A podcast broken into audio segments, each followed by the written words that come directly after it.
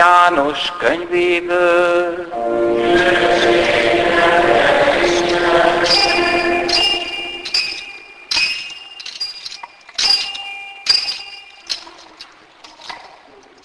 Abban az időben így szólt Jézus. Én vagyok a jó pásztor. A jó pásztor életét adja juhaiért. A béres azonban, aki nem pásztor, akinek a juhok nem sajátjai, ott hagyja a juhokat és elfut, amikor látja, hogy jön a farkas. A farkas aztán elragadja és szétkergeti őket. A béres azért fut el, mert béres, és nem törődik a juhokkal. Én vagyok a jó pásztor. Ismerem enyéimet, és enyéim is ismernek engem, mint ahogy az atya ismer engem, és én ismerem az atyát. Életemet adom a juhokért. De más juhaim is vannak, amelyek nem ebből az akolból valók. Ezeket is vezetnem kell. Hallgatni fognak szavamra, és egy nyáj lesz, és egy pásztor. Azért szeret engem az Atya, mert odaadom az életemet, hogy majd ismét visszavegyem. Nem veszi el tőlem senki, magam adom oda, mert van rá hatalmam, hogy odaadjam, és van rá hatalmam, hogy visszavegyem. Ezt a parancsot kaptam atyámtól. Ez az evangélium.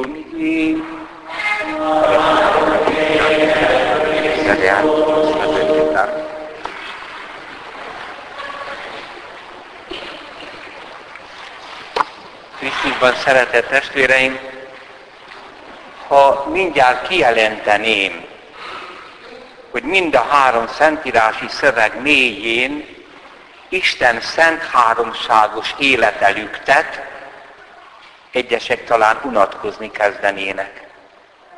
Vagy félnének, hogy itt megint valami olyan magasztos világba kell felemelkednünk, ahol nép aztán visszaeshetünk hétfőn a hétköznapokba, és csak még nagyobb lenne a szürkeség és a kilátástalanság, mintha nem is emeltek volna föl bennünket ilyen magasra. De vajon a keresztény hit lényege? Isten önkinyilatkoztatása tényleg eltávolít a mindennapi valóságtól? Elidegenít? Nem éppen a legemberibb tapasztalatot érinti meg bennünk, és azt a tapasztalatot menti meg, most már egészen biztos vagyok, hogy hétről hétre ezt a harcot kéne a papoknak megvívni. Nem csak úgy, ahogy megérteni az evangéliumot, hanem az emberek hétköznapi életének a mélyére ásni, magunkba ásni, és észrevenni, hogy ez a kettő találkozik. Hogy a magasság a mélységben van. A keresztény hit felülete, a Szentírás szövegeinek ilyen felületes olvasása, és a mi hétköznapi életünk felülete itt-ott találkozik, vagy sokszor találkozik, akkor fölvillannak a csodák idézőjelbe, vagy nem idézőjelbe, és aztán jönnek a nem csodák. Mire gondolok itt? Ez testvérek egy olyan ájtatossági szint. Bár van benne igazság hogy valamit hallottam az evangélium, most egy az egybe bejött aznap. Igen. És hányszor nem jön be? 50-50. Az áltatos sabjai erőltetik a felületen megvillanó csodákat, mint életük egyetemes értelmezését. Nem baj. Viszont másokat a sok nem csoda sorozata kiábrándít, és a nem csodák szürkeségét fogadja el, és végül elveszti a hitét. Na most a felületen vannak csodák. Most is csoda történt az apostolok cselekedeteiben, egy bénát meggyógyította. És Péter nem ezt elemzi, hanem Jézus Krisztusról beszél. És azt mondja, hogy minden emberhez küldetésünk van. Az apostolok itt Jézus nevében csodát műveltek. Tehát az élet felületén, ahol lehet látni, itt történt valami. De kedves testvérek, Jézus nagyon sok beteget meggyógyított, halottakat feltámasztott, de azért, hát nem minden halottat hívott vissza erre az életre. Minek? És nem tette feleslegessé a kórházakat. Tehát az apostolok elkezdik Jézus hirdetni. És azt mondja Péter, hogy az építők elvetették az alapot, Jézust, Isten végső kinyilatkoztatását, mert Jézus halálában, föltámadásában kiviláglik az, hogy kicsoda ő, hogy az Isten mélységeiből jött, ezt elvetették az építők, mégis az a szegletkő. Európa építői is elvetettek Jézus, elvetették Jézus, de nyugodjunk meg, nincs más, amire építeni lehetne. Nincs. Mi ez, hanem a mindennapok eseménye, ez a gyógyítás, amelynek a mélyén egy üzenet van, és az üzeneteket figyelni. Aztán Szent János azt mondja, hogy Isten gyermekei vagyunk, de a világ nem tudja, hogy mi azok vagyunk, nem tudja a keresztény keresztséget, az, hogy a keresztség és a hit által a harmadik isteni személy az énünkkel összekeveredik, és ott örök élet kezdődik. Tehát bennünk van ott a mélységben a magasság, és ezért gyűlöl bennünket a világ, mert a kereszténység nagyon idegen. Nem olyan, mint a többi vallás. De az a tragédia, ha a keresztény maga se ismeri saját magát, a mélységeit, amelyben ott van a magasság. És az Úr a mai evangéliumban ezt mondja, senki sem veszi el tőlem az életemet, magam adom oda. Erre van hatalmam, képességem. Ezt jelenti az evangéliumban hatalom. És vissza is veszem, erre is van képességem. Ezt a parancsot, ezt az utasítást kaptam atyától az egész földi életre. Kedves testvérek, odaadja Jézus az atyának az életét, a saját életét, a bűneinket magára véve a Szentlélekbe, és a föltámadásba visszaveszi. Miről van itt szó? A Szent Háromság belső életéről. életéről. Az atya és a fiú kapcsolatáról. Két személy kapcsolatáról. Hogy kilélegzi magát, és a másikat belélegzi. Van ennél e világibb esemény? Van annál világi esemény, mint hogy kirakat készítettek Jézus ellen, megállapították, hogy na ezt kinyírjuk. Így. Beindul a gépezet, halára fogják ítélni, kegyetlen módon, keresztre feszítve meg fog halni. És Jézus azt mondja, ne, ez a külső. Én magam adom oda az életemet, nem a kivégzőknek, az atyának. Értetek? És ha neki adom, az meg visszaadja. Mert ez megy a Szent Háromságba. Én, te. Csak belevon minket, mert magára veszi a bűneinket, hogy majd nekünk is lehelletet adjon a Szent Lelket ha megbántuk bűneinket és megkeresztelkedünk. Jézus a mélyben néz, és tekintetünket ebbe a mélységbe irányítja. Életemet odaadom az atyának, és vissza is veszem, ehhez van képességem. Erre mondja az utolsó vacsorán, éltük szentelem magamat, neked atyám. van-e a mi hétköznapi életünkben valami, ami hasonlít ehhez? Van. A legmélyebb esemény, amely az összes hétköznapi minden pillanat mögött ott van, csak nem nagyon törődünk vele. A szeretet eseménye.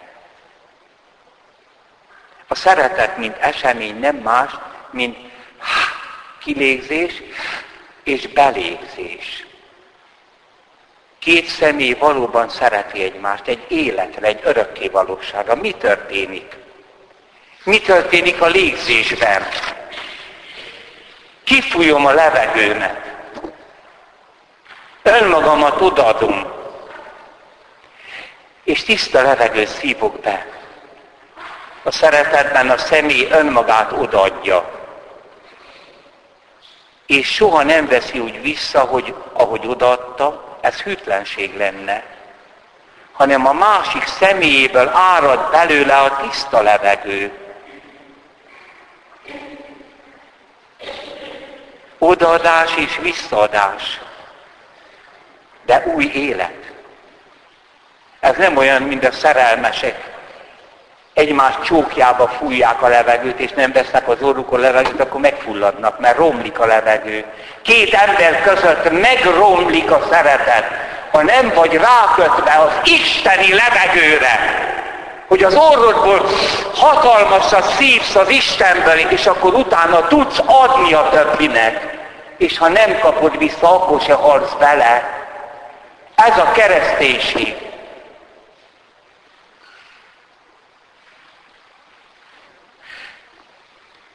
Igen, ez az Isten belső élete, amit nekünk megnyit, mert az ő képére teremtett minket. Ez a hatalom képességet jelent, mint általában a személy világában. A személyes viszonyokban nincs hatalom, hanem képesség van. Az ember képes odaadni saját személyét egy másik személynek, az belőle él, ő visszaadja önmagát, de ez nem lehet csak evilági esemény, mert akkor befulladnak.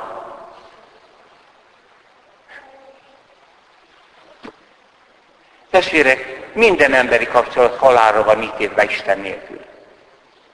Legalább keresse az Istent. Legalább imádkozzon. A visszavétel nem hűtlenség, hanem egy lüktető élet. És már nem egyedül él, mert a személy nem is tud egyedül élni, hanem ketten, illetve hárman, mert a közös lellet nem valami, hanem valaki. Ezért mondja a teológia, hogy az atyától születik a fiú, öröktől fogva. Persze nem úgy, hogy anyától szület egy gyerek, csak hasonlat. De az atya és a fiú közös lehellete a Szentlélek. Egy közös mi, aki személyesült. Ádám ezt lehelte ki, és azóta majd megfullad az emberiség. Isten az orrába lehelte a szent lelket, hogy úgy tudjon szeretni, hogy ne fogjon ki. És hogy két ember között, Ádám és Éva között, gyermek és szülő között, ember és másik ember között, az Istenre kötött légzőszervekből friss levegő áradjon, örök szeretet.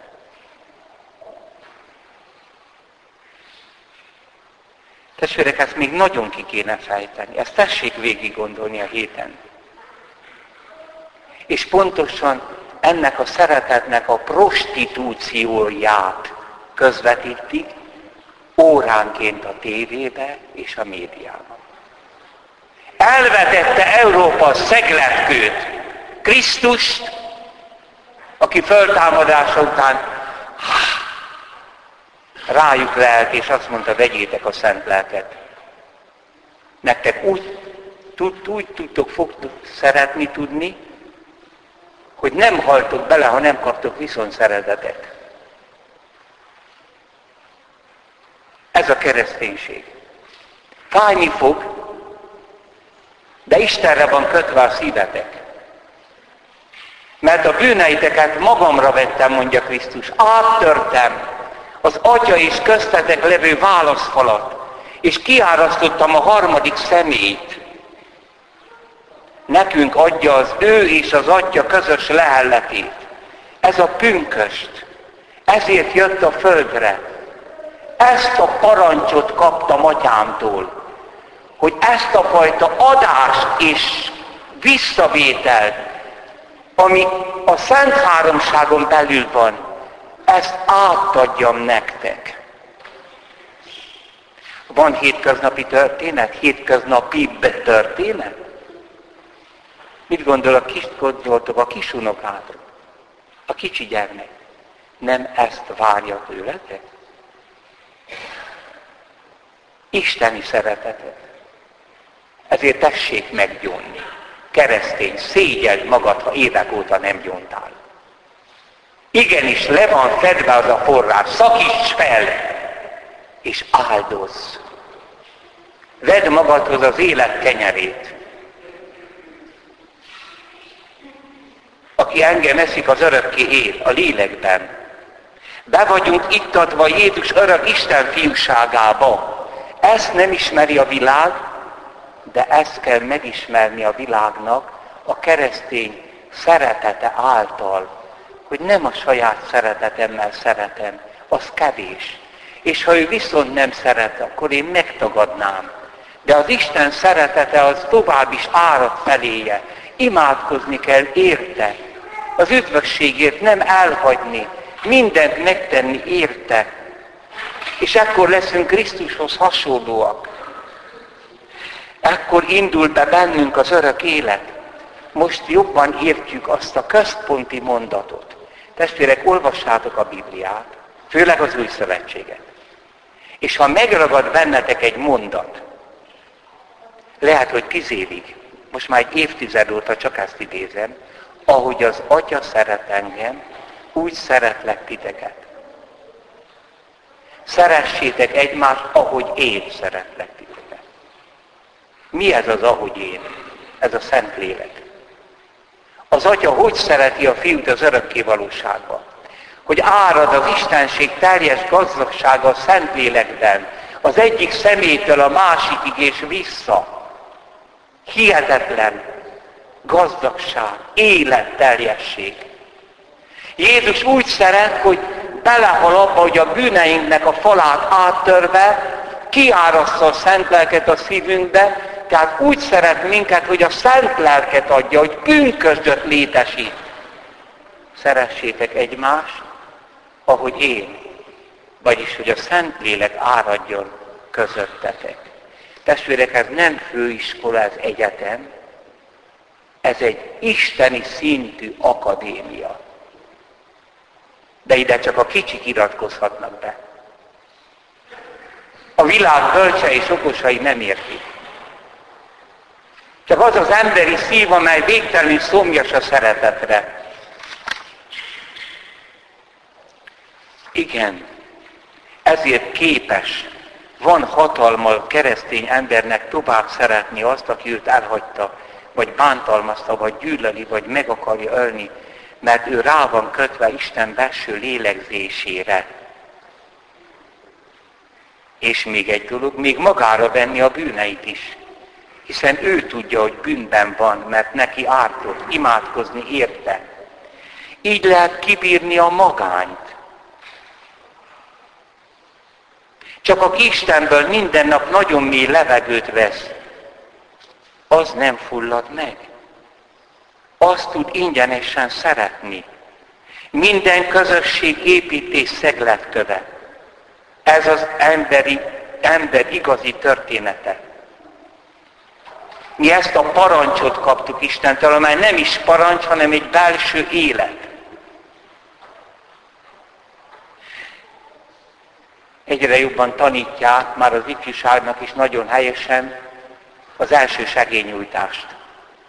Mit csinálunk, a vízbe fulladt ember még él, kirándják a vízpartra, próbálják a vizet eltávolítani, meg mindent a szájba, és akkor utána levegőt veszünk, és belefújunk a szájába Egy görög katolikus pap mondta, hogy én úgy szégyellem, hogy nálunk a keresztelendőre rá kell lehelni.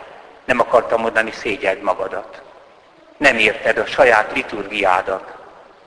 Hogy ez a fulladásos haláltól való megmentés. És ha nem venne az illető levegőt, hanem csak az ő levegőjét fújná be, akkor mind a kettő meghalna. Levegőt kell vennem, és azt a tiszta levegőt átadni neki a tüdejébe. Ez van a még belsőbb szervezetünkben is. Ezért a római pap élete, a celibátus, az nem celibátus, annak szüzességnek kell lenni. Itt a titka. És ha nem ebből él, akkor ez nem működik. És a házasság működik? Az se. Isten nélkül nem működik a szeretet. Csak a szeretetnek gyalázatos utánzásai, amivel megrohasztják az ifjú, nem megrontják, megrohasztják a lelkét a gender ideológiával és a többivel. Most írtunk egy könyvet, Böjte Csaba, Pus Sándor, jezsuitatja és én, vegyétek meg, 800 forint, nem, semmit nem kapok belőle.